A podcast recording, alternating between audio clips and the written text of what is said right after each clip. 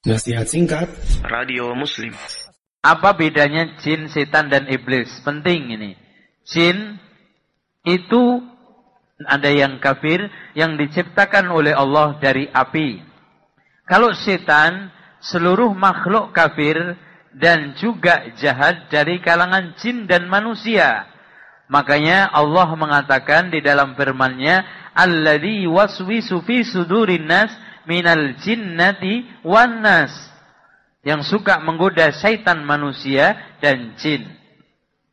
Kemudian Allah berfirman di ayat yang lainnya, "Wa kadzalika ja'alna likulli nabiyyin aduwan syayatinal insi wal jinni." Syaitan jin dan manusia. Dan iblis ini makhluk sendiri yang diberikan keistimewaan oleh Allah Fa'andirni ila yaumi. Ya Allah, tundakanlah umurku sampai hari kebangkitan. Allah menjawab, kamu termasuk orang-orang yang umurnya ditunda sampai hari kiamat dan dia adalah penghulu dan pemimpin ya tertinggi seluruh setan baik dari kalangan jin dan manusia.